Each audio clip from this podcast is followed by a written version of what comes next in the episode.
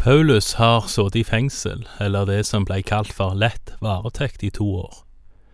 Landshøvdingen Festus har sammen med kong Agrippa funnet ut at det ikke var noe særlig å anklage Paulus for, i alle fall ikke etter romersk rett. Men, som nevnt tidligere, Paulus har anka til keiseren, og derfor blir han nå sendt til keiseren. Legg gjerne merke til at det mye av kapittel 27, som vi nå snart skal lese, er skrevet mer personlig enn de forrige kapitlene. Det er nemlig skrevet med mye bruk av vi, altså første person flertall. Vi leser om Paulus med flere si reise til Roma, sånn som den står beskrevet i Apostlenes gjerninger, kapittel 27, og vi leser fra vers 1. Da det var avgjort at vi skulle seile til Italia, ble Paulus og noen andre fanger overlatt til en offiser ved navn Julius fra den keiserlige bataljonen. Vi gikk om bord i et skip fra Adramyttium som skulle til havnene i Asia, og seilte så ut. Sammen med oss var makedoneren Aristarkos fra Tessalonika. Dagen etter seilte vi inn til Sidon, og Julius behandlet Paulus vennlig og ga ham lov til å besøke vennene sine og nyte godt av deres omsorg. Vi stakk til sjøs igjen og seilte i le av Kypros fordi vi hadde vinden imot. Så satte vi over havstykket utenfor Kilikia og Pamfylia og kom til Myra i Lykia. Der fant offiseren et skip fra Alexandria som skulle til Italia, og han lot oss gå om bord i det. I flere dager gikk det smått framover, og vi klarte så vidt å komme på høyde med Knidos. Vinden hindret oss i å komme videre, og vi holdt derfor ned under Kreta ved Salmoneneset. Dette klarte vi så vidt å runde, og kom til et sted som ble kalt Gode havner, like ved byen Lasea. Vi hadde brukt lang tid, og det var ikke lenger trygt å ferdes på sjøen da det allerede var etter fastedagen. Derfor advarte Paulus dem og sa, Jeg ser at det å seile videre vil bety ulykke og tap av last og skip ja, fare for vårt liv. Men offiseren stolte mer på kapteinen og eieren av skipet enn på det Paulus sa.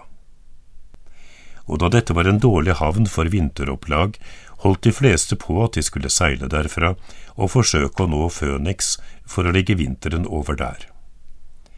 Denne havnen på Kreta er åpen mot sørvest og nordvest. Da det nå blåste opp en svak sønnavind, mente de at de kunne gjennomføre planen, og de lettet anker og seilte langs Kreta nær land. Men ganske snart kom en virvelstorm fra nordøst, Evrakylon som de kaller den, kastende inne fra øya. Skipet ble feid av gårde, og det var ikke mulig å holde det opp mot vinden, så vi ga opp og lot oss drive. Da vi kom i le av en liten øy som heter Kauda, klarte vi så vidt å redde skipsbåten. Etter at de hadde fått den om bord, tok de nødutstyret i bruk og surret skipet med tau. Nå var de redde for å drive av mot syrtegrunnene, derfor senket de forseilet, og slik seilte de videre.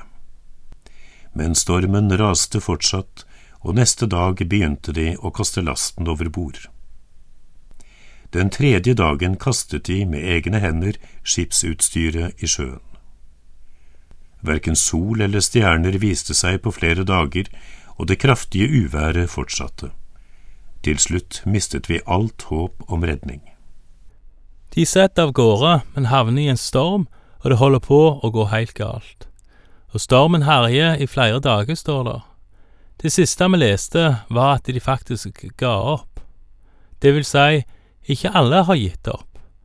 Paulus har nemlig fått en engel på besøk. Vi leser videre fra vers 21. Nå hadde de ikke fått mat i seg på lenge, og Paulus steg fram blant dem og sa, Gode menn, dere skulle hørt på meg og ikke reist fra Kreta, så hadde dere vært spart for både ulykken og tapet. Men nå ber jeg dere være ved godt mot. Ikke en eneste av dere skal miste livet, men skipet går tapt. For i natt sto det for meg en engel fra den Gud jeg tilhører og tjener, og han sa, Vær ikke redd, Paulus. Du kommer til å stå foran keiseren, og alle som reiser sammen med deg, har Gud gitt deg. Vær derfor ved godt mot, for jeg har den tro til Gud at det vil gå slik som det er sagt meg. Vi kommer til å strande på en eller annen øy. Jeg lurer litt når jeg leser denne teksten, hva som var mest irriterende for kapteinen og de andre. At denne teltmagerfangen begynte å mase om at de ikke skulle reise i utgangspunktet, eller at han fikk rett og påpeker det midt i elendigheten. Uansett, Paulus har fått beskjed ifra Gud via en engel at han skal få stå foran keiseren sånn som Gud har lovt han før. Og han får òg beskjed om at alle som reiser sammen med han, skal òg bli berga. Vi leser videre om hvordan det gikk til, og da leser vi fra vers 27. Da vi hadde seilt på Adriaterhavet i 14 døgn, fikk sjøfolkene midt på natten kjenning av land. Vi vet ikke helt når selve stormen starta, eller hvor lenge den egentlig varte. Der står at stormen kom ganske snart, og at de kasta utstyr over bord den tredje dagen stormen varte. Når de nå har seilt i 14 døgn, så er da mesteparten av den tida etter at de kasta forsyningene over bord. Dette støttes opp av vers 21, der det står at de ikke hadde fått i seg mat på lenge, og i vers 33 sier Paulus sjøl at sjøfolka ikke hadde spist på 14 dager. Uansett, de har nå fått kjenning av land, og vi leser videre om det ifra vers 28. De loddet og fant 20 favner. Litt lenger inne loddet de igjen og fant 15 favner. De var redde for å bli knust mot klippene og kastet fire ankere fra akterstavnen og ønsket bare at det måtte bli dag.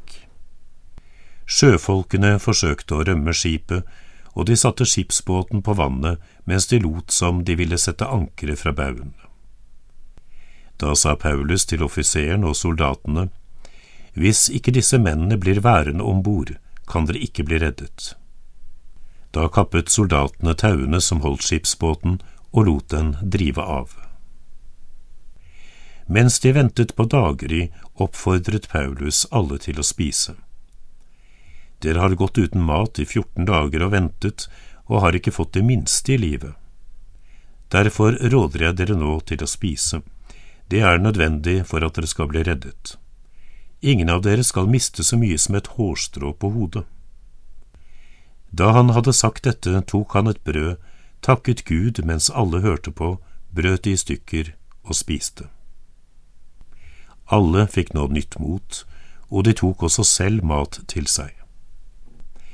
Vi var i alt 276 mennesker om bord. Da de var blitt mette, hev de kornlasten på sjøen for å lette skipet.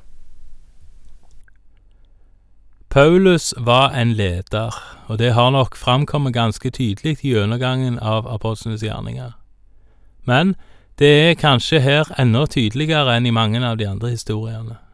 Her blir fangen Paulus, som er på vei til Roma, han blir en uformell leder for hele skipet, og de var 276 personer, leste vi nettopp. Ikke bare er han en leder, men han er en leder som takker Gud mens alle hører på, som vi nettopp leste i vers 35. Det kan være en god oppfordring òg til oss i våre dager, at dersom en er en leder, enten formelt eller mer uformelt, så kan en òg som leder takke Gud mens alle hører på. For det har en god virkning. Det hadde en god virkning da, leste vi nettopp, og det kan ha en god virkning i dag. Vi leser videre fra vers 39. Da dagen brøt fram, dro de ikke kjensel på kysten. Men de så en bukt med flat strand, og der ville de prøve å sette skipet på grunn. De kappet alle ankrene og lot dem gå, og samtidig løste de surringene på rorene. Så satte de forseglet og sto inn mot land med vinden. De drev inn mot en sandbanke med dypt vann på begge sider, og der rente de skipet på grunn. Forstavnen boret seg dypt ned og ble stående helt fast, mens akterskipet etter hvert ble slått i stykker av brenningene. Soldatene ville nå drepe fangene for at ikke noen skulle legge på svøm og rømme. Men offiseren ville redde Paulus og hindret dem i planen. Han ga ordre om at de som kunne svømme, først skulle kaste seg over bord og komme seg i land. Så skulle de andre komme etter, noen på planker og andre på vrakrester. På denne måten kom alle velberget i land. Det framkommer her at de ikke visste helt hvor de var, men at de så ei bukt med flat strand og rett og slett rente skipet i land. Soldatene ville drepe fangene for at de ikke skulle rømme. Det virker kanskje noe barbarisk, og det er det jo helt klart òg. Men det er òg viktig å huske på at det var dødsstraff for romerske soldater som lot fanger stikke av. Tidligere i Apostelens gjerninger står det, som vi har vært inne på, om en fangevokter som ville kaste seg på sitt eget sverd når han trodde at Paulus og de andre fangene hadde rømt. Det er vel helt klart ikke greit å drepe fanger for å hindre de i å rømme, men det er etter min mening ikke den enkelte soldat som er skyld i dette, men mer hele systemet. Uansett, offiseren ville redde Paulus, og redde da òg alle de andre. De klarte å karre seg i land, både soldater, fanger og andre, enten ved å svømme eller ved å flyte på planker og vragods.